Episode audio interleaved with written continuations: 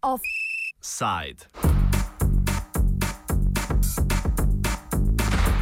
Pred slabima dvema urama se je na kongresnem trgu začel protest proti novemu zakonu o visokem šolstvu, ki so ga podprle številne civilno-družbene skupine, visokošolski sindikati, samoorganizirani študenti ter velik del slovenske akademske sfere. Ker zakon že dobrega pol leta močno razdvaja visokošolski prostor, smo za današnji offside izbrali kolaž izjav tako nasprotnikov kot podpornikov zakona, katerega zadnjo verzijo je ministrstvo po dolgem skrivanju za zaprtimi vrati, končno objavilo dan pred samim protestom.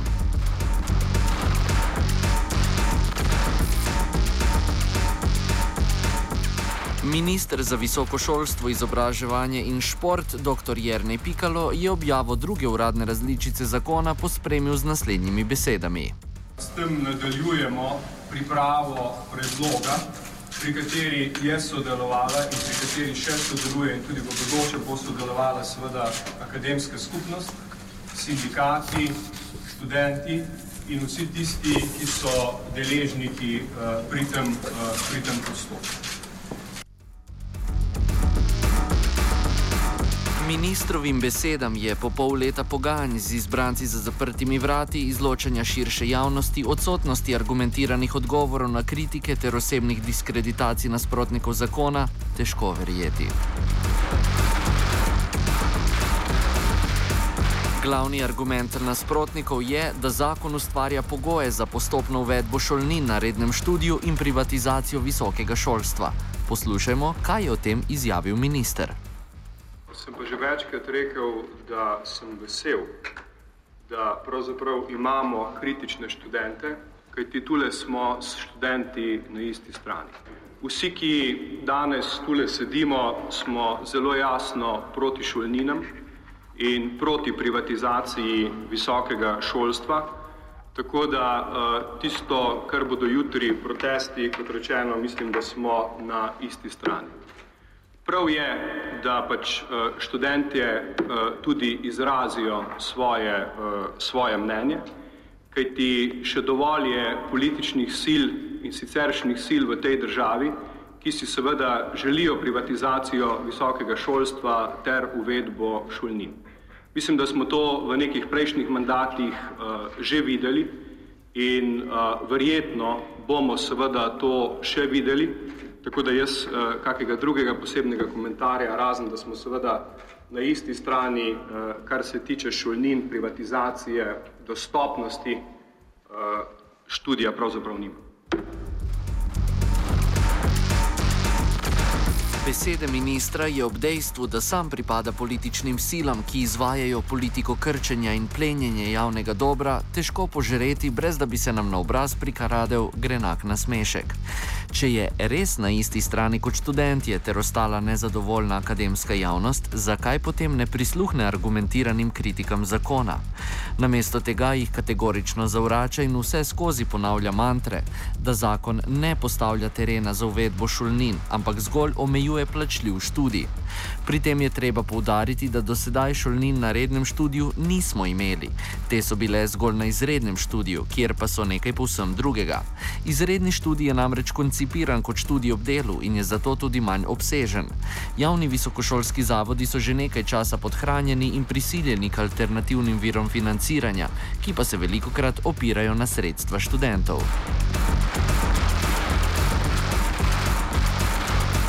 Na današnji tiskovni konferenci v Modri sobi Filozofske fakultete je v imenu Sindikata vzgoje, izobraževanja, znanosti in kulture Slovenije o razlogih za proteste spregovoril Branimir Štrukelj. Uh, torej, nekaj zelo uh, jasnih stališč, kar se tiče Sviza, ki je te proteste podprl.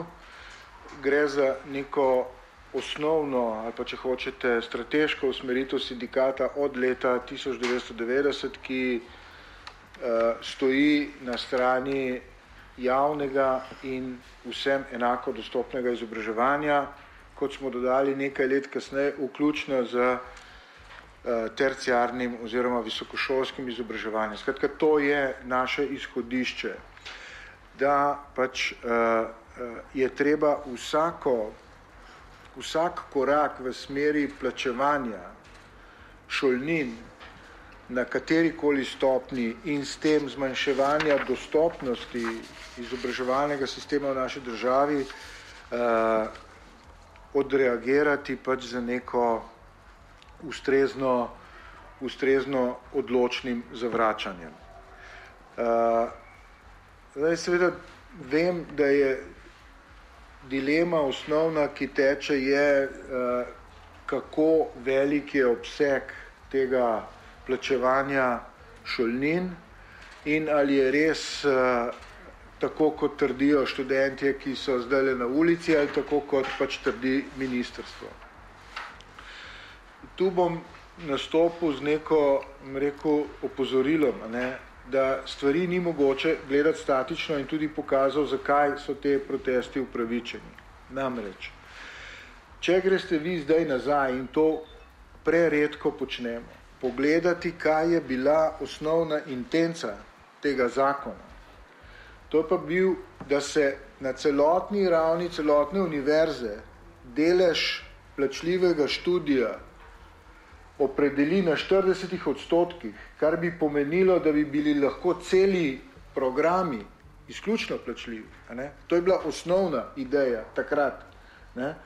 Potem je jasno, da je bila intenca predlagatelja, da širi plačljiv študij in da eh, Eh, pač zmanjša enako dostopnost. In seveda treba se izlasti študentom zahvaliti ali pa jim treba pripisati zaslugo, da se je potem pritiskom in teh njihovih reakcij, ki so mu sledili potem tudi vsi eh, sindikati, če smo čisto pošteni, ne, na nek način ta zakon začel uh, umikati iz te osnovne predpostavke, ki jo ne smemo pozabiti.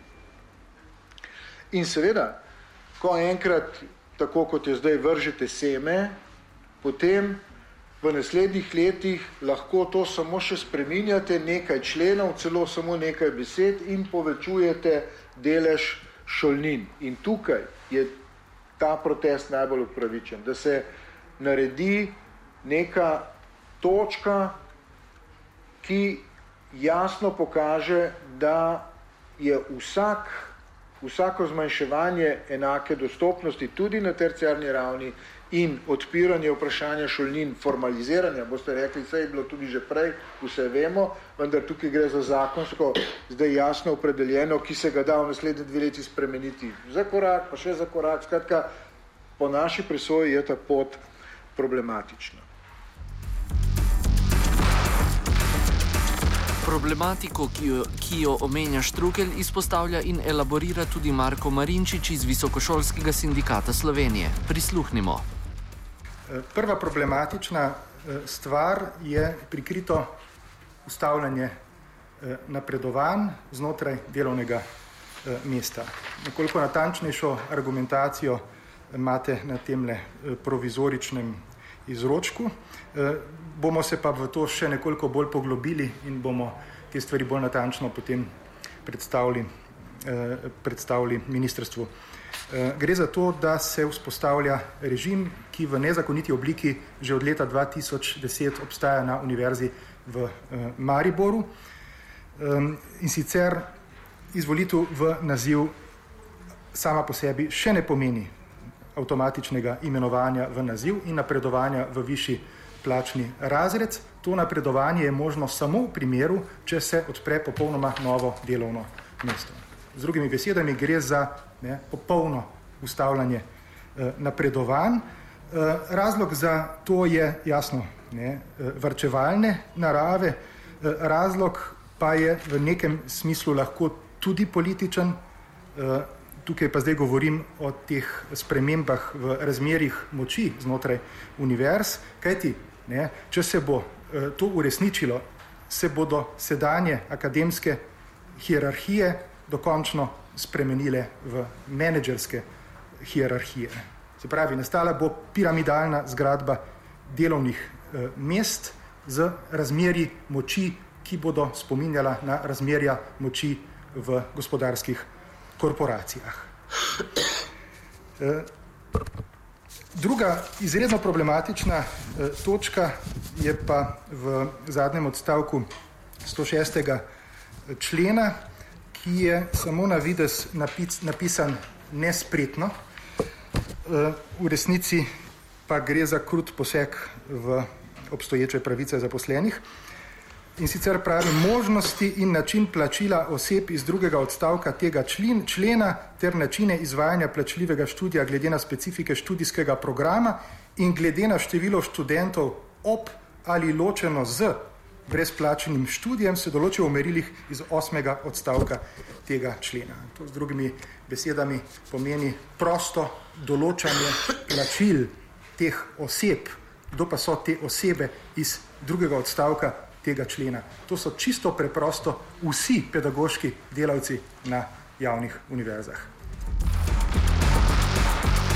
Protesta proti zakonu o visokošolskem, o visokošolskem šolstvu pa seveda ne podpirajo vsi, med njimi dijaki in tisti študentske organizacije Slovenije. Govorili smo z Žigo Šmitom, ki nam pove pogled študentskih struktur na protestno problematiko. Tudi mi podpiramo javno visokošolstvo, dostopno brezplačno visokošolstvo. Eh, za kar se tudi jutri uh, protestira.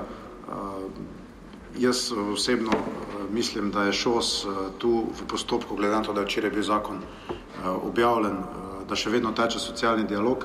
Kadarkoli v preteklosti, bom tako rekel, je kakršnakoli poseg v pravice študentov, uh, poseg v, v pravice, ki izhajajo iz statusa študentov ali pa kakršnakoli um, intence po upeljavi šolnin, je bil šos prvi, ki je temu nasprotoval in zelo aktivno pravno pravice študentov, če se spomnimo črne srede, če se spomnimo vseh preteklih protestov, ki jih je šos pripravljal. In uh, v, pri tem zakonu smo še zelo daleč od te točke. Trenutno se še pogajamo, zakon, kot sem že prej omenil, je korak v pravo smer. Uh, šos pa smatra proteste kot uh, zadnje sredstvo, vkolikor socialni dialog ne uspe, glede na to, da socialni dialog še traja, te opcije logično ne moramo nikoli izključiti, ne moramo je dati dol iz mize, ampak zaenkrat mislim, da se ohranja brezplačno visoko šolstvo na rednem študiju in ne vidim nikakršne potrebe po, po, po protestih zaenkrat. Hvala lepa, Jošek. Pot do realne implementacije zakona v praksi bo še dolga, zdi pa se, da je eden izmed osnovnih problemov v zakonu tisti, ki dopušča kasnejše finančne mahinacije, kot je omenjal Branimir Štrukelj. V tem oziru je to še najbolj zanimivo za trenutne dijake oziroma predvsem tiste, ki se bodo po srednješolski izobrazbi odločili za visokošolsko. Kakšno je torej mnenje dijakov? Govori predsednik Dijaške organizacije Slovenije Klemen Peran. No, torej, na Dijaški organizaciji Slovenije vsekakor mislimo, da je novi eh, predlog zakona ZVIS ena korak v pravo smer, omejuje se plačljivi študij. Mi imamo danes primere, ko imate po 300% študentov na plačljivem študiju v primerjavi z neplačljivim, eh, to se zdaj omejuje. Mi sicer upamo, da bodo ministrstvo in ostali eh, odločevalci sprejeli tudi nekatere nove zahteve oziroma nove predloge strani študentske organizacije, ki menijo, da bi se ta plačljivi študij še zmanjšal na 20% eh, v primerjavi z neplačljivim in vsekakor mislimo, da ne uveljavlja šolnin ta zakon in mislimo res, da je korak prav smer. Okay, ka, kakšno pa je vaše stališče o protestu, ki se bo danes odvil? Naše stališče je, da je ta protest v bistvu namišljen, da je ta eh, protest eh, izvedla Iskra, to je nereprezentativno društvo študentov. Sploh ne vemo, kdo ga plača, odkot Iskra dobi toliko denarja. To mislim, da bi Iskra mogla čim prej pojasniti, ker trenutno ste v medijih zdi, kot da so um, člani Iskre neki zaskrbljeni študenti, v resnici so pa to po mojem mnenju strani nekih drugih organizacij uh, dobro plačani um, se pravi, imajo neko odzadje, niso to nikakršni zaskrbljeni študentje um, in mislimo, da je to, ta protest v bistvu farsa in da sploh ni to protest proti. Um, se pravi, sploh ni to protest, ki bi zagovarjal samostojno in kvalitetno javno šolstvo, ampak je to protest, ki bi zagovarjal neke parcialne interese znotraj šolstva. V svojih odzivih na današnje proteste se Peran naslanja predvsem na študentsko organizacijo Iskra. Poklicali smo še njih in jih povprašali o protestih ter tudi o Peranovih obtožbah. Govori Mojce Žerak iz Iskre. Ja, v bistvu sploh ne vem, kako naj komentiram. Jaz bi vam povedala, cel kup iskrenih aktivistov, ki smo pač delali to kampanjo proti temu zakonu, smo cele dneve, cele noči delali za ston. Mislim, da smo v naši argumentaciji bili zelo jasni, čigave interese zastopamo, da smo zelo jasno vsem povedali, da zastopamo interese celotne družbe. Edino pač res je, da smo zakon postavili v širši kontekst in smo ga navezali na širše spremembe. Ugotovili smo, da se tiče vseh celotne družbe in zato zagovarjamo interese čisto vseh. Kaj pa glede teh očitkov, da iskra financirana strani uh, drugih? Uh, iskra, je, iskra je čisto brez denarja, čisto pač ni nobenih financ, nobenih ničesar ni v zadju. Jaz ne vem, odkot komu te informacije. Pač, jaz mislim, da gre sam za eno jasno politično diskreditacijo. Uh, nekateri so očitno nas prepoznali, ne vem sicer zakaj nasprotnike. Pač, jaz mislim, da so take teorije zarote na koncu nekak edin način, ko zmanjka argumentov. Za konec gremo še na kraj dogodka. Javlja se Arne Zupanič iz univerzitetne re redakcije. Pozdravljen, Arne, kako si? Živijo še enkrat, za konec super, protest je odlično uspel in se je v bistvu ravno kar končal v parku Tabor. E, če bi, če bi naredil kratek povzetek, kaj bi recimo izpostavil glede današnjega protesta, da je mogoče bilo najbolj pozitivno ali pa da bo sprožilo kakšne nadaljne pozitivne premike? Um, kar se mi je zdelo odlično, je v bistvu um, ta materializacija heterogenosti, ki se je pojavila že v bistvu ob samih kritikah zakona, ne? da so v bistvu čisto različne družbene skupine, um, različne interesne skupine v bistvu prišle skupaj. In tudi danes je bilo pač na protestu videti ogromno enih različnih grupacij z različnimi zastavami, identifikacijskimi simboli in tako naprej. Tako da to se mi v bistvu res dela pozitivna stvar, plus tega jasno, da se je pač protest proti zvisu umestil v splošen, v splošen protest proti, proti privatizaciji javnih dobrin, kot so pač šolstvo, zdravstvo, kultura in tako naprej. In kako misliš, da se bo zdaj zadeva premikala naprej, če tebe vprašam za osebno mnenje? Recimo? Ja, na, mislim, definitivno je zdaj na potezi ministrstva. Um, mislim, da je bila to ena taka ligava PR-ovska poteza, da v bistvu dva dni pred protestom daš v nov.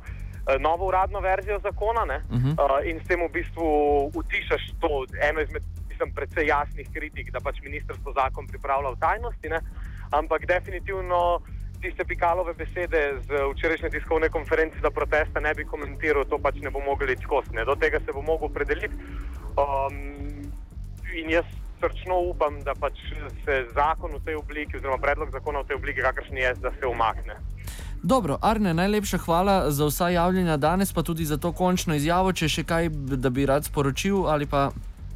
Um, neč, mogoče sem še to na no, koncu, da kar se mi je zdelo tudi super, je bilo to, da je v bistvu uh, število udeležencev protesta bilo več ali manj cel čas kontinuirano. Uh mhm. -huh. Tudi v tem zadnjem delu pred ministrstvom za izobraževanje, ko je prišlo do tega manjšega, kratkega stika uh, med. Uh, kriminalisti in nekaterimi izmed udeležencev, je v bistvu so vsi protestniki ostali skupaj, držali, držali neko, neko strnjeno jedro uh mhm. -huh. in, in pač preprečili neke poskuse aretacije, ali kaj se je v resnici dogajalo. Uh, je bilo precej nehitro vse skupaj. Um, tako da mislim, da po dolgem času spet en prav dober protest. Dobro, Arne, najlepša hvala, lepo se mej in okay. to je to, srečno. Srečno, adijo. Tako, mi pa tudi s tem zaključujemo današnji offside, ki je nastal v koprodukciji aktualno-politične in univerzitetne redakcije in temu eh, izrednemu dogajanju primerno samo poslušalke in poslušalke obveščamo, da bo DPU, ki je bil planiran, da se izvede ob 17.15 minut, danes na sporedu ob 18. Pozdravljeni. Off.